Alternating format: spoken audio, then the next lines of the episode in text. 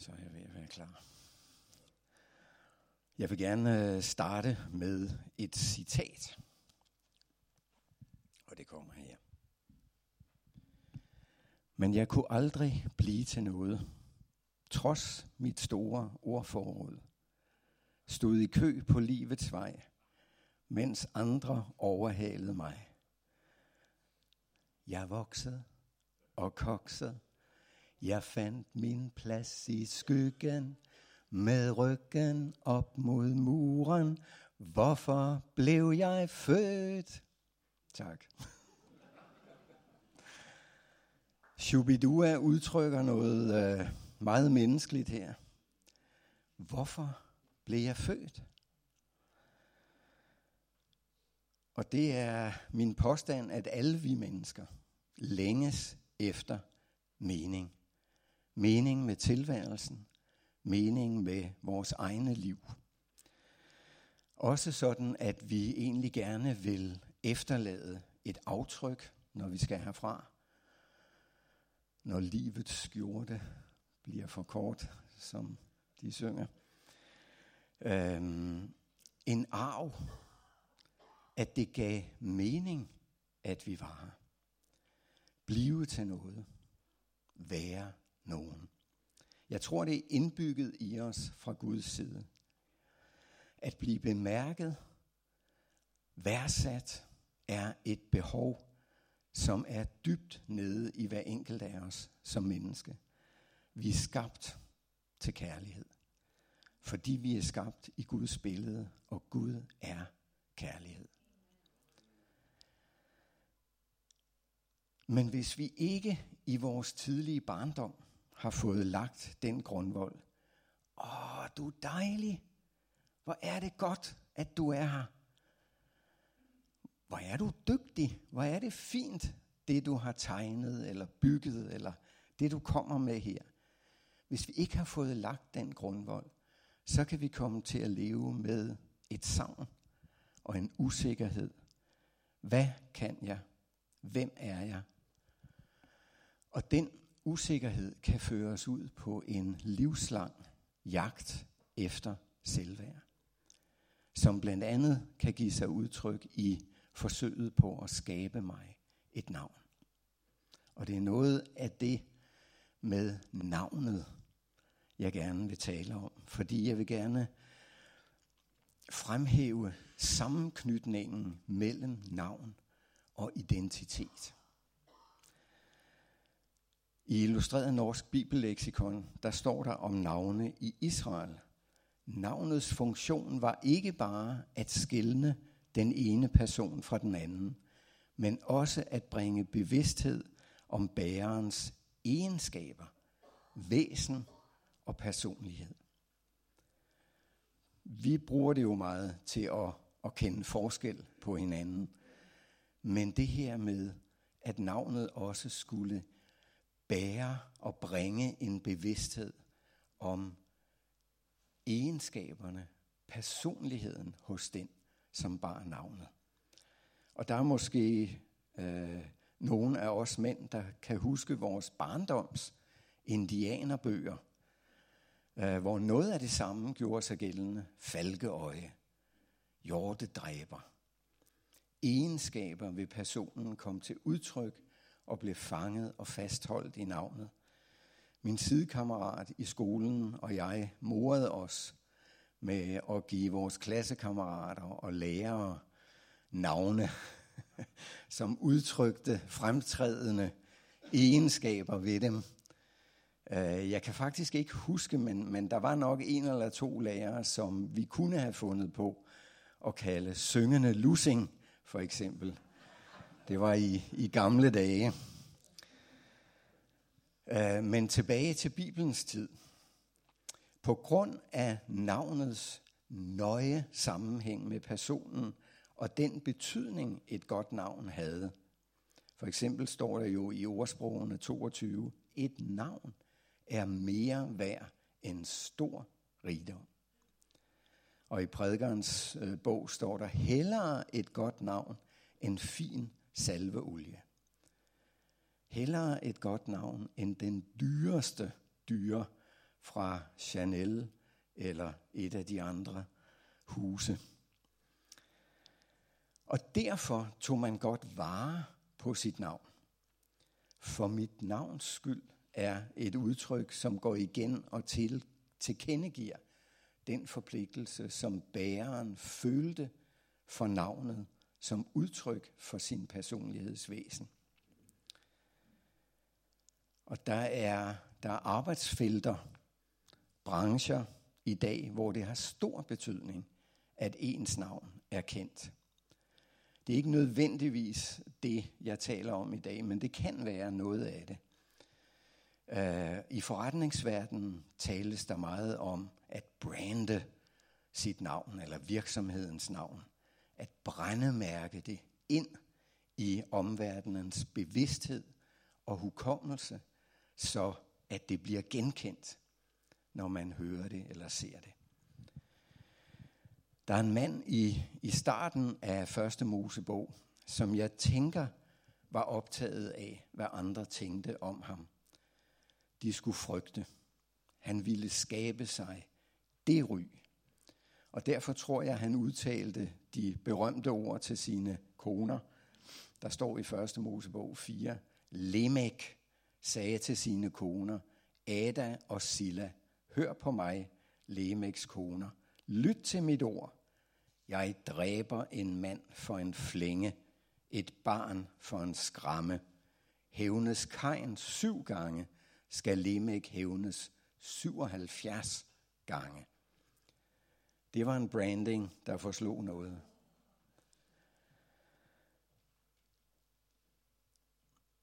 Jeg tænker, at vi i vores samfund ikke mindst står med et, øh, et stadigt pres og om at ligesom opfinde os selv.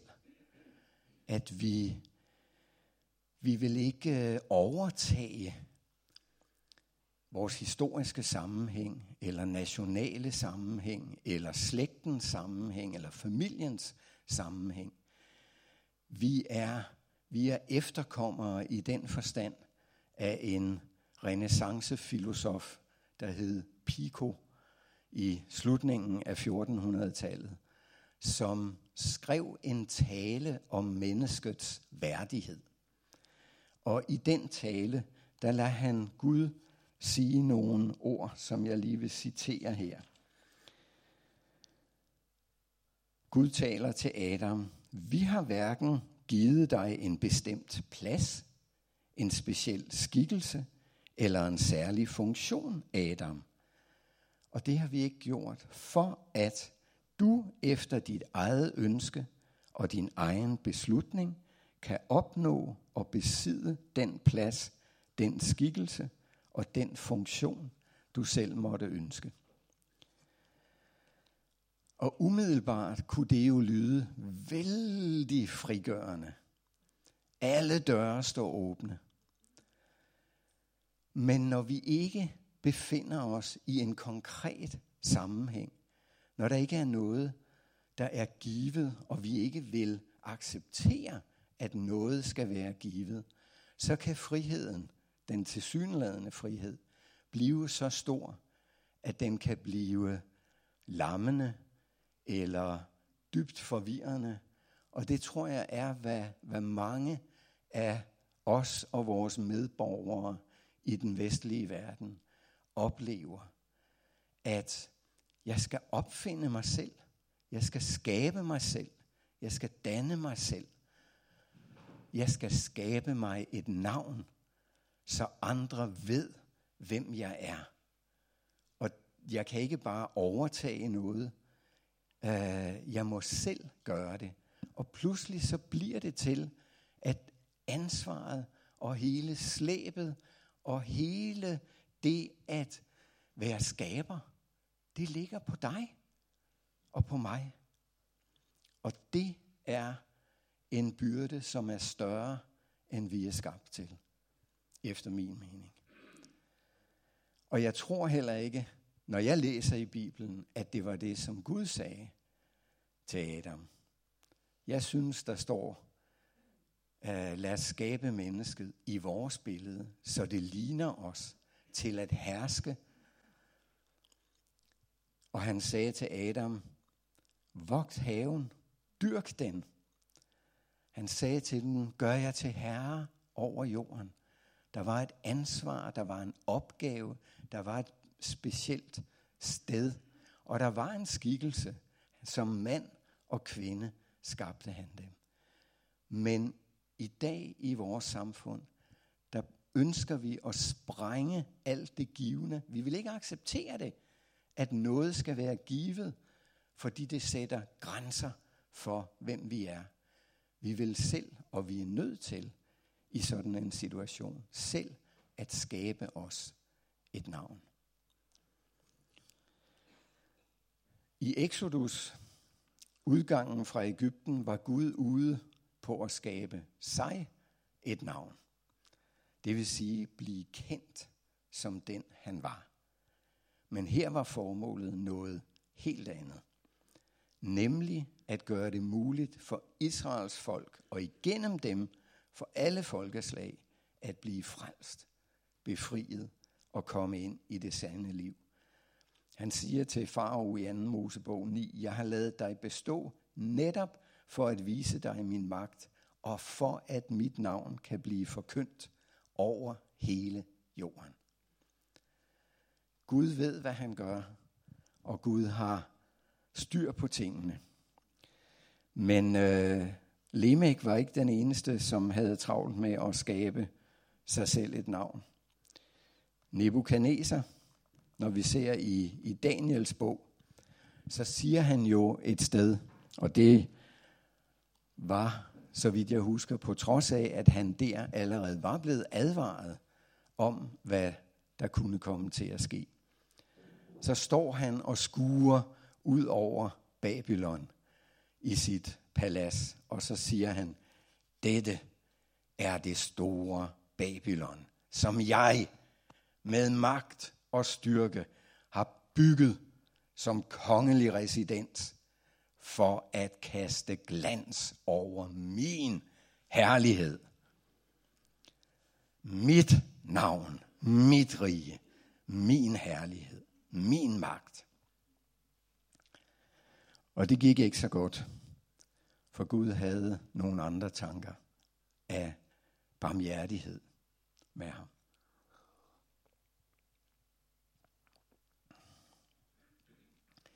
Jesus derimod var optaget af at gøre faderens navn kendt. Ikke af at skabe sig selv et navn. Og er det ikke fantastisk, at netop i Jesu navn, han som gav afkald på egen herlighed. Der i det navn skal hvert knæ bøje sig, og hver tunge bekende, at Jesus Kristus er Herre til Gud Faders ære. Det er så pragtfuldt, synes jeg. Guds frelse, Guds hele sammenhæng, det han har udtænkt, og det han gennemfører, det er så fantastisk, at det, det virkelig giver mening til, til det, som Gud siger, mine tanker, de er langt højere end jeres. Langt, langt højere. Og halleluja. Hvad er motivet til vores handlinger? Er der tit en bismag af se mig, hør mig, bekræft mig, ros mig, som udspringer af et savn af kærlighed, af at blive lagt mærke til og bekræftet og værdsat. Og en person, som tilsyneladende vidste noget om de ting, nu afdøde sanger George Michael, skrev sådan her i en sang om stjernerne og dem, der gerne ville være det. Den hedder Star People. Måske opgav din mor dig, knægt. Måske elskede din far dig ikke nok, min pige. Stjernemennesker, som regner på omkostningerne ved jeres begær efter at blive set. Hvor ville I være uden al denne opmærksomhed, synger han. I ville dø. Jeg ville dø. Vi ville dø. Vil vi ikke? Du ville bare så gerne have dem til at elske dig. Og selv for kristne kan øhm, manglen, savnet af kærlighed, anerkendelse og værdsættelse komme til udtryk. Vi har også brug for lægedom. Vi har brug for at vandre i tro til Guds kærlighed. Og det er ikke altid, at det, den står helt tydelig for os. Øhm, en prædikant, som vel efterhånden ikke er helt så kendt i hvert fald, som han var, øh, da jeg blev kristen. David Wilkerson. Korset og springkniven. Hvor mange kender ham herinde? Ah, okay. Dejligt. Han, øh, han, han havde fået, han var kommet i gang med så mange opgaver. Han havde så mange idéer, så mange ting, som der var brug for skulle gøres for at hjælpe bandemedlemmer og narkomaner og unge i problemer. Men på et tidspunkt så stoppede Gud ham. Han sendte simpelthen en kineser. Det står i bogen efter korset og springkniven. Der stansede ham på gaden. Han prøvede at gå udenom ham. Men kineseren gik bare med. Øh, og, og han blev vred. Og, og, øh, og så fik kineseren tårer i øjnene. Men han sagde, jeg er blevet sendt af Gud for at give dig et budskab. Og det budskab gik ud på at lytte efter åndens stemme. At komme ind i et enklere liv. Og øh, det var først, da han kom hjem og fik snakket med sin kone om det. Det kan nogle gange være virkelighedens stund, hvor den går op for en. Og det er, det er en hjælp. Det er en håndtrækning. Og da han fortalte sin kone Gwen om det, og sagde, det kan da ikke være herren, så sagde hun, jo, det tror jeg, det er. Og øh, der begyndte at ske noget i David. Han var så, han havde startet nogle planer om en, en, øh, en børneby, eller en ungdomsby, en kids town, sådan en, en tilflugtsby, hvor unge med problemer kunne komme hen, og der kunne, de, der kunne man tage sig af dem. Og den skulle så ligge, øh, der havde de fået option på en, en grund ved siden af Disney World i Orlando. Altså en pæn, dyr beliggenhed. Øh, og de var gået i gang med at, at lave øh, planerne, øh, tænke tanker om det her. Og så går det op for David Wilkerson, at øh, han nok lige skal spørge Gud. For når han har været i bøn for det her, så er det ikke, øh, det er ikke det, han har bedt mest om, og måske netop fordi han, han havde et eller andet sted en tanke om, at Gud ikke helt var med i det. Så han lægger det frem for Gud en aften, hvor han virkelig tager tid til at være sammen med Gud og spørger, hvad med den her Kids Town? Skal jeg bygge den? Og svaret kommer som et lyn. Absolut ikke. um, og så siger Gud, du har egentlig aldrig spurgt mig, hvad om, om at vise dig din sande motivation til Kids Town. Vil du gerne høre den nu? Du ønskede at bygge et monument for dig selv. Og i det Gud siger det, så må han bare, ja, det er jo rigtigt. Selv en herrens tjener, i den grad brugt som David Wilkerson, kunne få så meget fart på og kunne gå så skævt af tingene, at sådan et ønske og en motivation kunne vokse frem og få plads og komme til at styre. Da han gik til sin stab, som var meget lojal og som var gået ind i det her projekt, og sagde til den med sådan lidt bæven, øhm, hvad vil I sige til, hvis vi dropper Kidstown? Halleluja! men, men de, havde jo, de var jo gået med, fordi nu var det det, han brændte for. Og de havde respekt og tiltro til ham. Men selv sådan et Guds menneske, så, så kan jeg slappe lidt mere af. Øhm, Beraka skulle, der har været sådan et projekt, som næsten er færdigt nu, hvor øh, Beraka, som jeg jo øh, var med i for, hvad er det efterhånden, 30 år siden, øhm, og som har været genforenet og spillet, og nu var der så en, som synes, de der gamle sange, de skal indspilles igen. Måske et par nye også. Og så skal de ud på CD, og, øh, og det bliver godt. Øhm, og jeg gik, øh, jeg tænkte, ja, jamen det kan da godt være, det bliver godt. Og, og jeg øh, skulle spille percussion, og så gik jeg ned for anden gang, mere kortvarigt dog med stress. Og jeg kunne bare mærke, det orker jeg ikke. Jeg magter det ikke. Øhm, at tage op til Hobro og forberede og stå med alt det øhm, i den situation, hvor jeg er nu. Selvom det er småting i forhold til, hvad så mange andre bidrager med på den plade.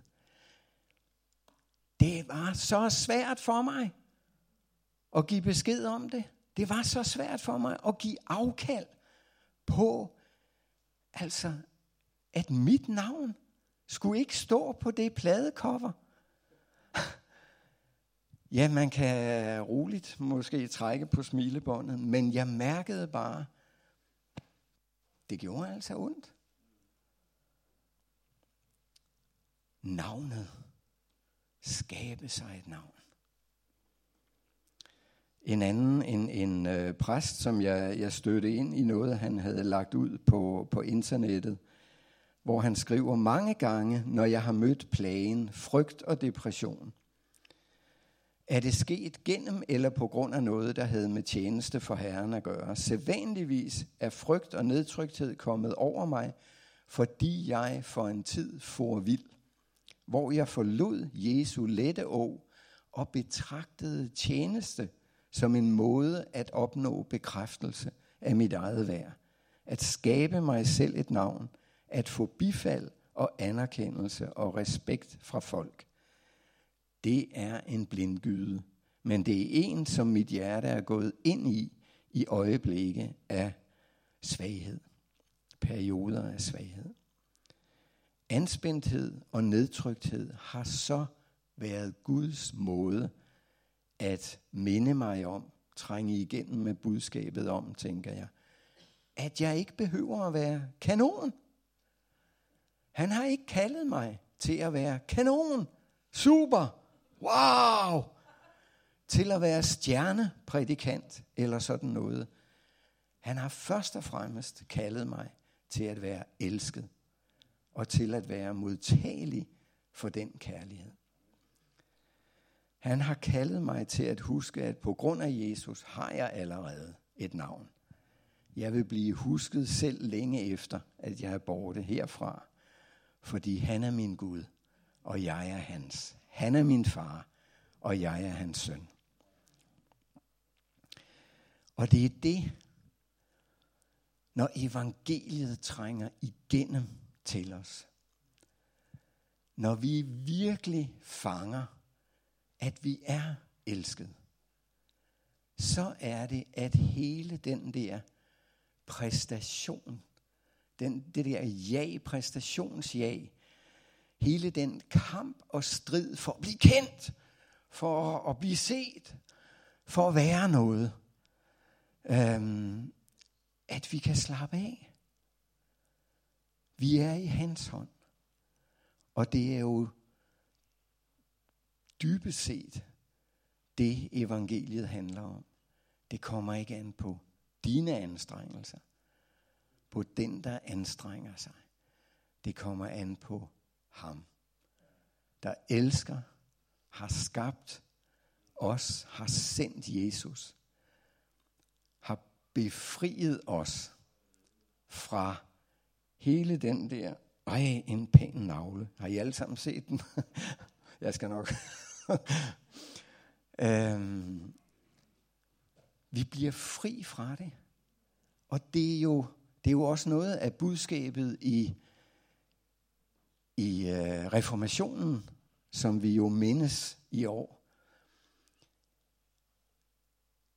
Du skal ikke opfinde dig selv. Du er sat et sted. Gud har givet dig en plads. Han har givet dig en skikkelse. Han har givet dig et kald. En opgave. Og fordi du ikke behøver at være så optaget af at frelse dig selv, om det så er i skikkelse øh, af tilgivelse, eller det er i skikkelse af at blive kendt, blive elsket, blive værdsat. Fordi du ikke behøver at kæmpe for det, men du er det allerede. Hvor mange gange har Gud ikke talt til os også om de gaver, han har givet hver enkelt af os. Og det er noget af det så opmuntrende, synes jeg, vi har hørt i, i de sidste par år her. Han kender os, han har skabt os, han har udrustet os, han elsker os.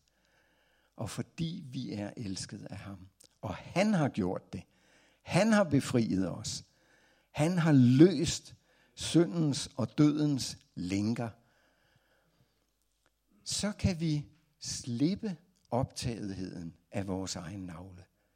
Så behøver vi ikke at stride for at blive kendt eller frelst. Men vi kan modtage det. Og i den tilstand, der er det, at vi kan få øje på vores næste. Der bliver vi sat fri, som Luther taler om, til at tjene næsten. Og til at tjene Gud. Også ved at tjene næsten. Til at opfylde det, som Gud har skabt os til. Hans evangelium er out of this world. Men den er kommet ind. Det er kommet ind i den her verden. Og så er det, at vi bliver frie til at gøre vores gerninger. Ikke for at få et navn, men fordi det er mig. Fordi det er en god gerning. Det kan godt være, at der så måske kommer berømmelse og ros i, i kølvandet af det. Men, men det er ikke det, der får mig til at gøre det. Det er ikke sådan, at jeg vil have mig et navn, og derfor spiller jeg fodbold, eller klaver, eller skuespil. Nej, jeg spiller klaver, eller fodbold, eller skuespil, fordi jeg kan lide det. Det, det, det er mig. Det gør noget. øhm, det gør godt i mig. Måske er der så nogen, der hører det eller ser det og synes, at det gør jeg da godt. Og måske bliver jeg headhunted til Barcelona, eller øh, bassist i Metallica, eller et eller andet. Øhm. Men måske gør jeg ikke. Og uanset, så kan jeg håndtere det, fordi berømtheden og fetteringen ikke er målet. Jeg er ikke afhængig af den. Jeg ved, hvem jeg er. Hvorfor blev jeg født?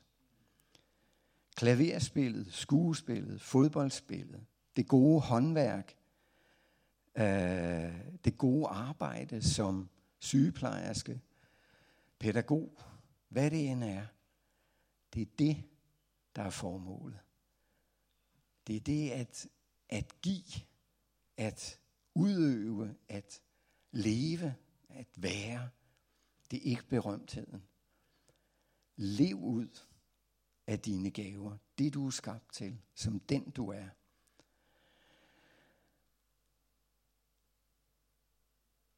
Darlene Scheck har mig bekendt aldrig søgt sin egen berømmelse, men hun er blevet en meget, meget berømt lovsangsleder. Øhm, men hun har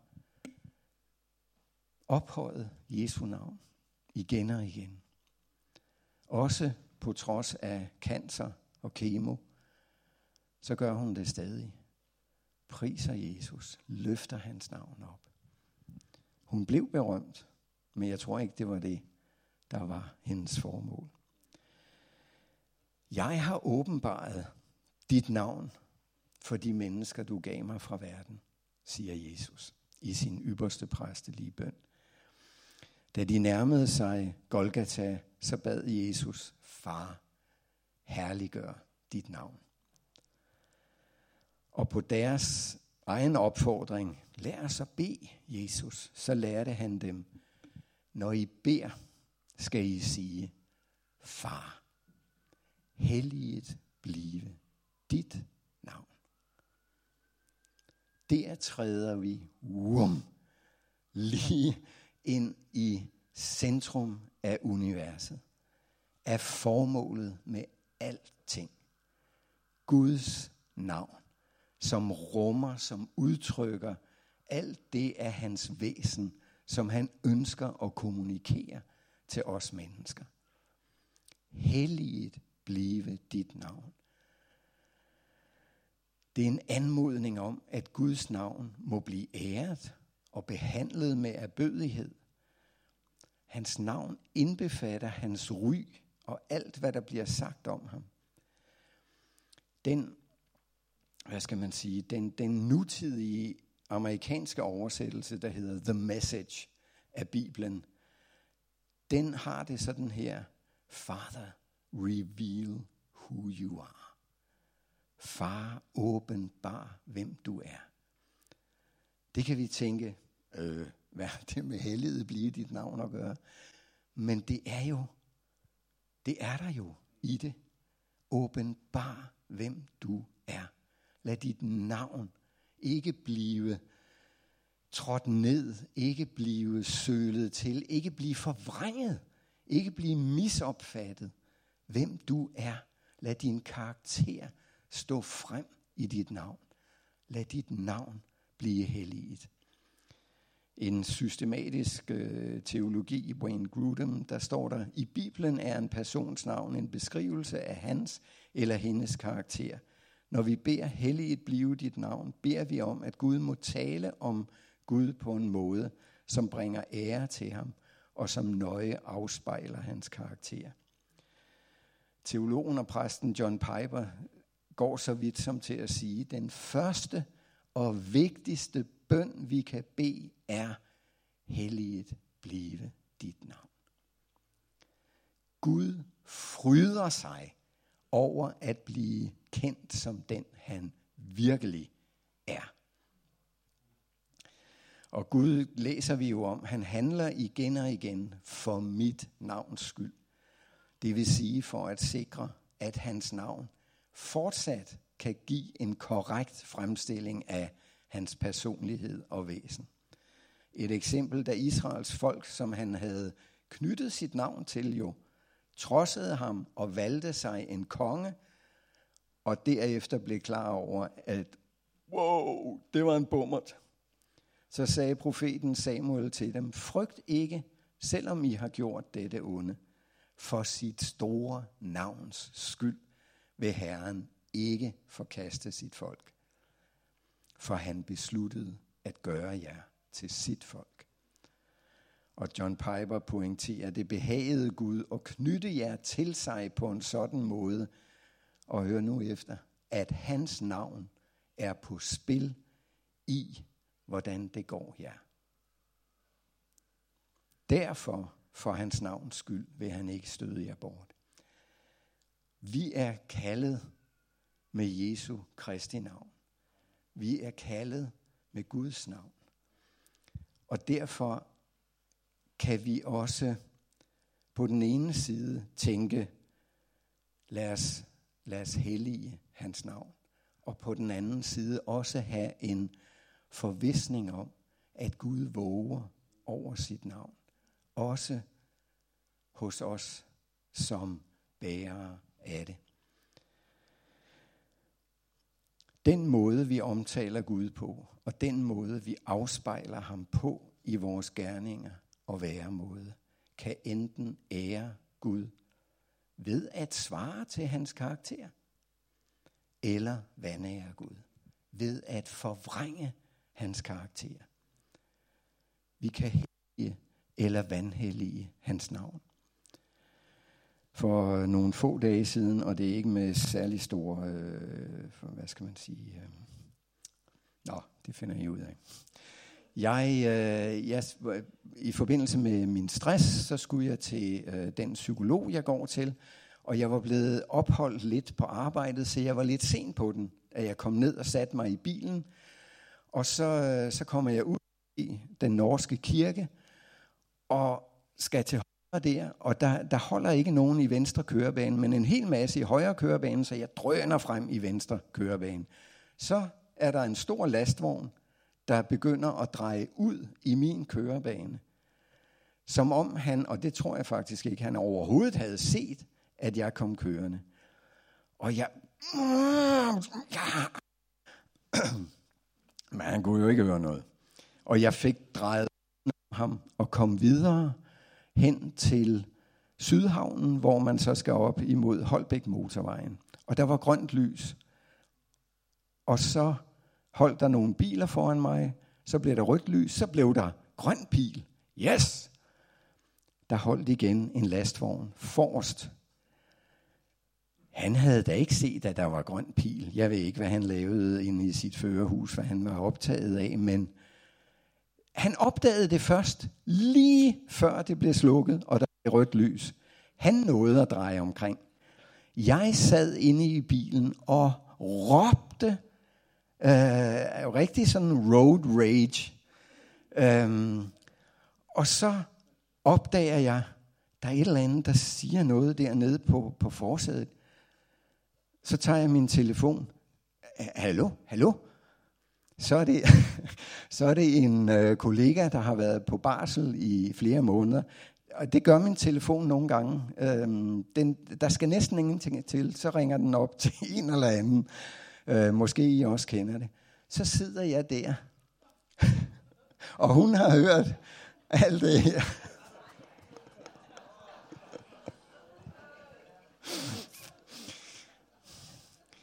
Uh, ja, ups. Jeg tror faktisk, at det var en slags påmindelse fra Herren om, at øh, det kan godt være, at vi tror, at der ikke er nogen, der ser os. Men selv der øh, ville det være dejligt, hvis vi kunne øh, afspejle Guds væsen og karakter i vores egen måde at være på. Hun kom, øh, hun kom ind på arbejdet her i sidst øh, ja, i den her uge faktisk, og jeg fik lige taget fat i hende og, og undskyldt, at hun ligesom blev udsat for det der.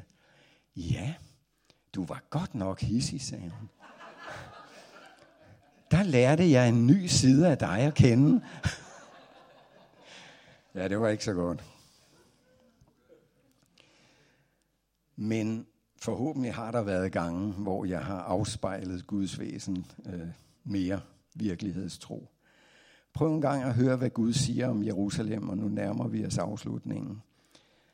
Uh, det er om Jerusalem i Esajas 62, men jeg tror egentlig teologisk, det er okay at se dig og mig, som er i Kristus, indeholdt i ordene.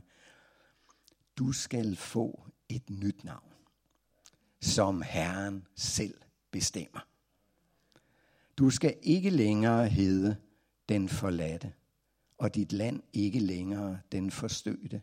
Hvor mange af os har hørt det navn egentlig om os indeni, den forladte, den forstødte?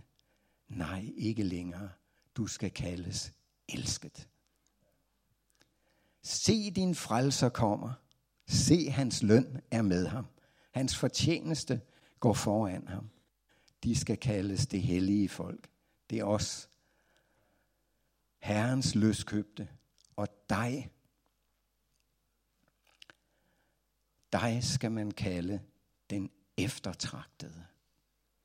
Halleluja. Byen, der aldrig bliver forladt.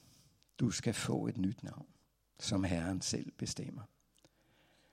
Jeg har herliggjort dig på jorden, siger Jesus, ved at fuldføre den gerning, du har givet mig at gøre. Jeg har gjort dit navn kendt for dem. Og i illustreret norsk bibelleksikon, der står der, Jesus har som Guds åbenbaren den opgave at herliggøre Guds navn. Det vil sige, gennem sin frelsesgerning, at afdække dets nådes og sandheds fylde, som beskrives med fadernavnet. Alle dem, som tog imod ham, gav han ret til at blive Guds børn, dem der tror på hans navn. Se, hvor stor en kærlighed faderen har vist os, at vi kaldes Guds børn. Navn. Og vi er det. vi er det. Gennem åbenbaringen af fader navnet er frelseshistoriens mål nået. Barneforholdet er derved blevet en realitet. Jesus betyder Herren, Jave, er frelse. Halleluja. Jeg har bedt om, at, at Christian og gruppen synger en sang her til sidst, som vi har sunget nogle gange. What a beautiful name it is. Hvor er det et smukt navn. Og der er nogle linjer i det, som jeg lige læser på dansk. Døden magtede ikke at fastholde dig. Forhænget revnede foran dig. Du bragte syndens og gravens pral til tavshed. Himlene brøler din herlighedspris ud, for du er vagt til live igen.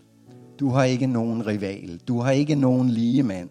Nu og i al evighed hersker du Gud. Dit er riget, din er æren, dit er navnet over alle navne. Ophøj Herren sammen med mig. Sammen vil vi hylde hans navn.